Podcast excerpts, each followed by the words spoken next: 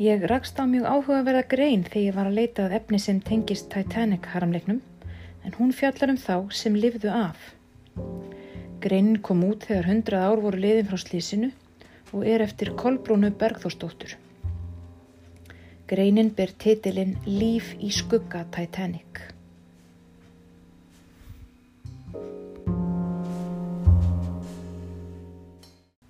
Af þeim rúmlega 2200 manns sem voru um borði í Titanic var 705 bjarga þegar skipið Carpathia kom á vettvang. Við tók fjögur á daga sigling til New York. Það væri hugunaríkt ef hægt væri að segja frá því að þessara farþega hafi beðið hamingurík æfi. Þeir hefðu fagnað því að hafa komist lífs af og átt innihaldsríkt líf. En sannleikurinn er ekki alveg svo einfaldur.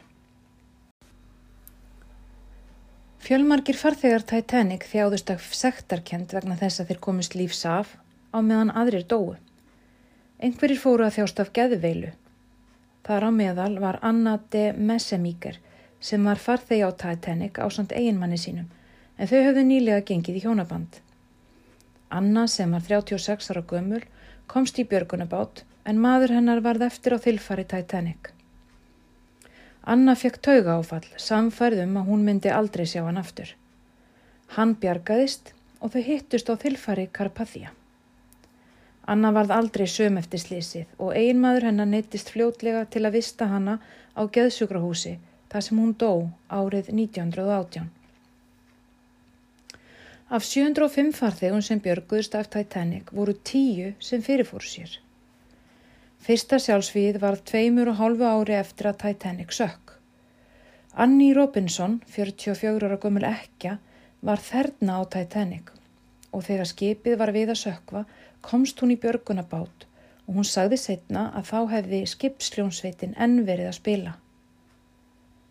Árið 1914 var Annie á leið til Boston með farþegarskipi en hún ætlaði að heimsækja dóttur sína. Þokulúrar fóru í gang Anni hafði áður heilt í þokulúrum en það var þegar Carpathia sildi inn í höfnina í New York með eftirlifendur. Hávert hljóðið í þokulúrunum í Boston vakti skjelvilegar minningar um Titanic-slísið. Anni hljóp upp á þilfar og kastaði sér í sjóin. William A. Lucas var í áhöfn Titanic og hafði umsjón með að manna og stjórna einum af björgunabátunum. Hann komst lífsaf en þjáðist af skjelvilegri sektakend. Hann hafði vísað konu frá björgunabáti sem hann stjórnaði þar sem hann taldi bátinn ótraustan og ekki geta rúmað fleiri farþega. Konan fóst með Titanic. Lukas fekk stöðugar martraðir þar sem hann heyrði dauða veginn farþega og sá fljótandi líki vatni. Hann skaut sig árið 1921, 35 ára gamall. Titanic-slísið eigðilagði líf Bruce Eastmays sem var stjórnaformaður White Stars skipafélagsins sem átti Titanic. Hann var 49 ára gamal, stundum kallaður konungur Allandshafsins. Eftir slísið hjálpaði hann til við að manna björgunabátana og átti þannig þátti að bjarga fjölda mannslífa. Þegar síðast í björgunabáturinn hafði verið mannaður og hvorki konunni börn voru í nánd, Steg Ísmei í bátinn. Umheimurinn fyrirgaf honum það aldrei. Um borði í Karpathíu var Ísmei í losti og á róandi livjum. Hann starði stjarfur framfyrir sig og enginn náði sambandi við hann. Hinn 17 ára Jack Thayer, farþegi á Titanic, kom til Ismeis þegar skipið var að nálgast New York og sagði setna hann hefði aldrei séð nokkurt mann jafn nýður brotin og Ismei var. Ég er næstum vissum að um borði Titanic var hár hans svart með gráum sveip, en nú var hár hans næstum snjókvítt, saði þeir. Þeir reyndi að sannfæra í smegi um að hann hefði gert rétt í því að bjarga lífi sínu með því að fara í síðasta björgunabátin, en Ismei svaraði engu, heldur starfiði framfyrir sig. Mikið hatur bindist að Ismei. Hann, einn af eigandum Titanic, var lifandi, meðan að minnstakosti 111 konur, 54 börn og 1327 karlmenn höfðu farist. Fína fólkið í London sem áður hafði sótt í félagskap hans hafnað honum. Það er ekki víst að það hafi skipt hann miklu máli, því hann valdi sjálfur að einangra sig. Þjáður af sektakent vegna þess að hafa farið um borði í björgunabát meðan aðrir fórust. Hann hafði skömm á sjálfum sér og að sögn ættingi hans myndi hann mest á gangandi lík. Kona hans lagði blátt bann við því að Titanic slísið yrði rætt í návist hans. Hann fekk þó útrás fyrir tilfinninga sínar með því að skrifast á við eitt farþegan, konu að nafni Marian Þeir, sem hafi mist mannsinn í slísinu, en hún gæti ekki veitt honum þá sáluhjálp sem hann farnaðist svo sárlega. Stundum sást Ísmei á gangi í garðum Lundunaborgar, þar sem hann spjallaði við flækinga og útigangsmenn sem hann virtist ná sérstöku sambandi við. Þegar Ísmei tóka eldast fekk hann síkusíki, annar fótur hans var fjarlagður og eftir það var hann í hjólastól. Hann lést árið 1937, 74 ára gammal og lungu sattu lífdaga. Ungi pilturinn, Jack Thayer, sem hafði reynt að hugreista Ísmegjum borði í Karpathia, hafði bjargað lífi sínu með því að kasta sér fyrir borð þegar Titanic var að sökva og komist um borði í björgunabát. Hann misti föðu sinn í slísinu en móður hans komst lífs af.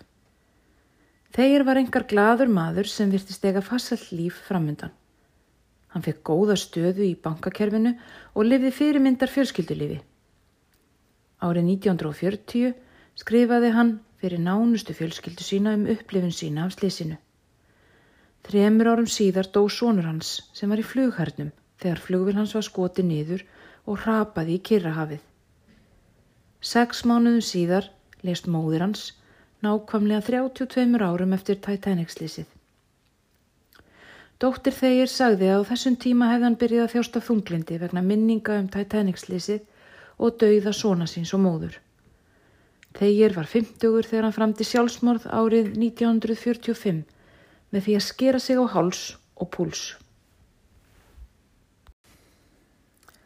John Jacob Astor var ríkasti maðurinn um borði í Titanic. Hann var þar á samt kornungri eiginkonu sinni, Madeleine, en þau hafðu gengið í hjónaband sjö mánuðum áður. Astor fyldi konu sinni að björgunabát en fjekk ekki að fara með henni þótt þar væri nóg plás. Báturinn var ekki langt frá Titanic þegar skipi sökk og Madeleine fannst hún heyra mann sinn kalla til sín. Hún stóð upp í bátnum og hrópaði að þau væri að koma til hans en sussað var á hana og engin tilraun var gerð til að snúa við. Um borði Karpathia greið til 19 ára gamla ekki að stöðugt. Fjórum mánuðum síðar fætti hún svon, John Jacob Astor sjötta.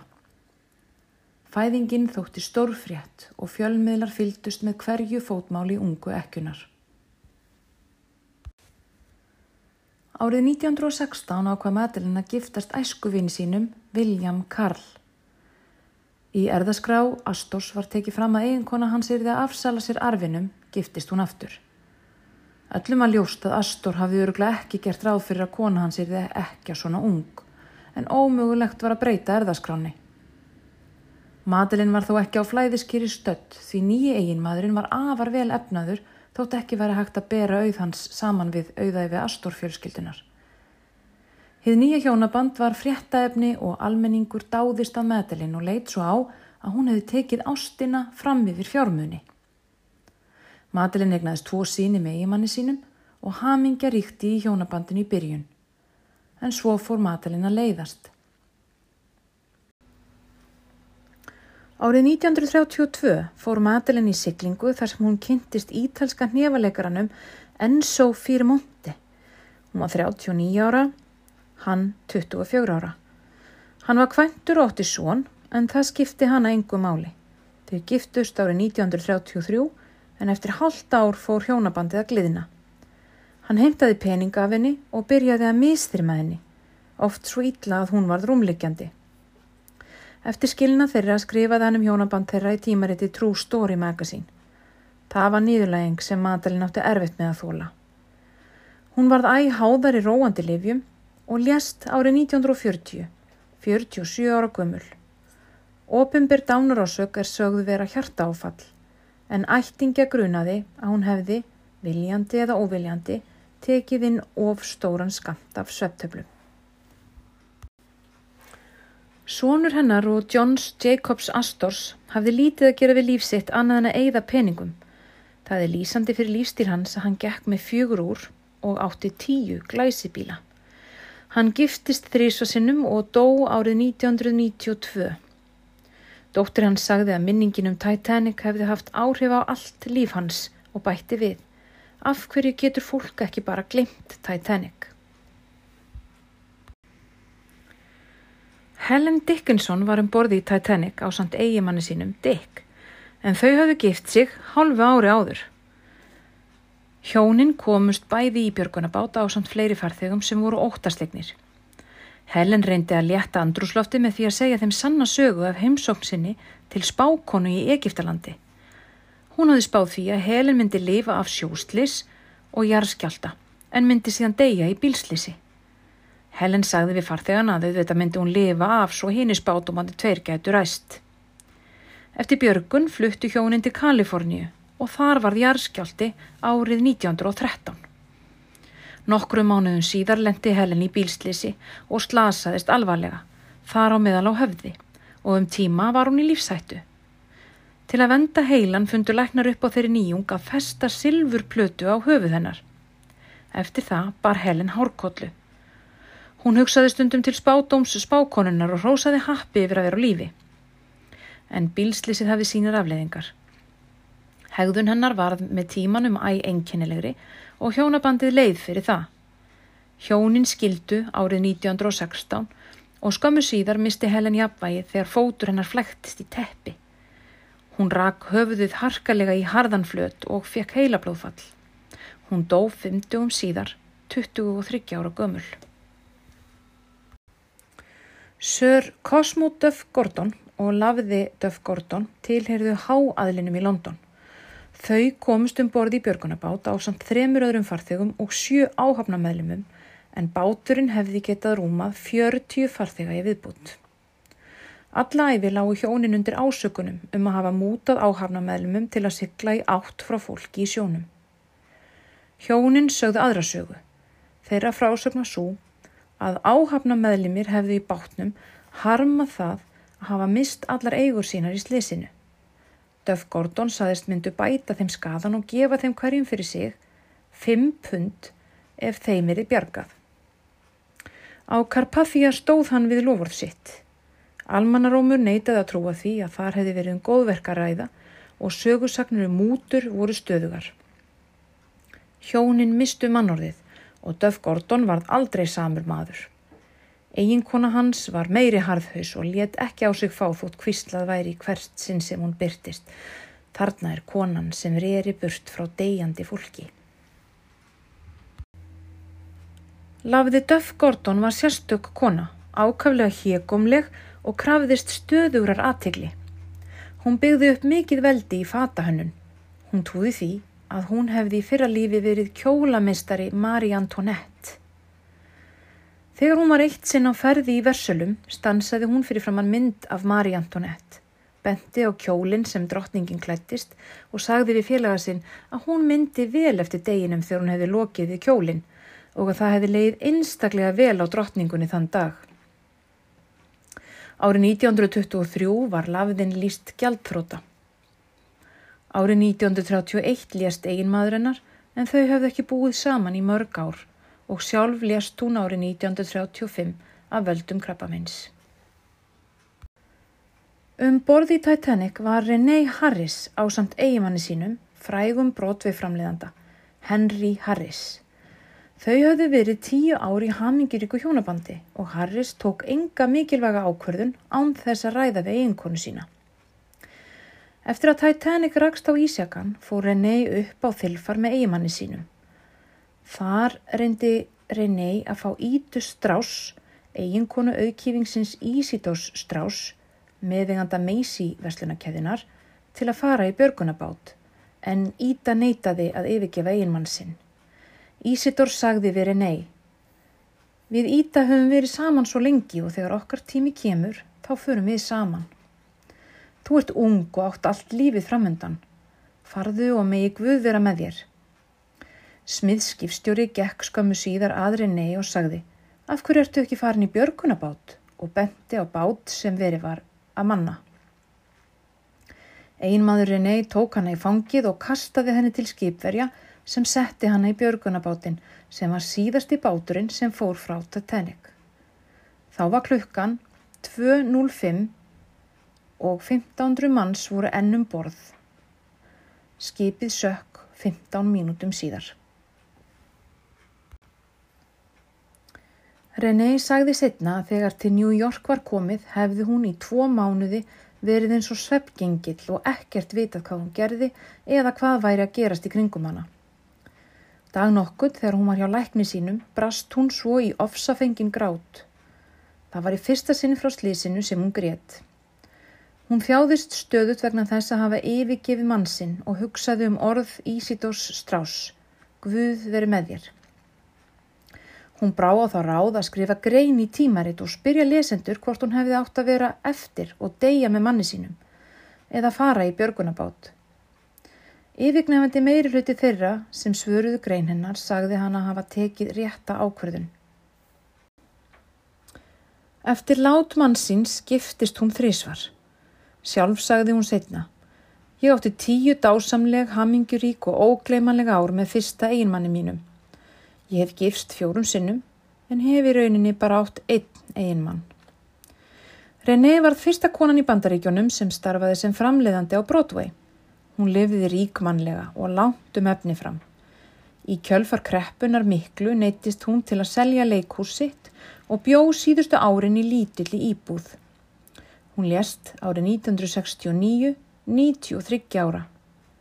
Á efri árum stöðvaði hóteldýraverður hana og saðist hafa síð myndavenni í blöðunum.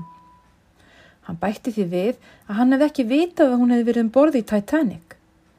Kona sem stóð þar hjá spurði, varstu í alvöru um borði í Titanic? René hjátti því. Og bjargaðist þú? spurði konan. Nei, sagði René og gekk burt.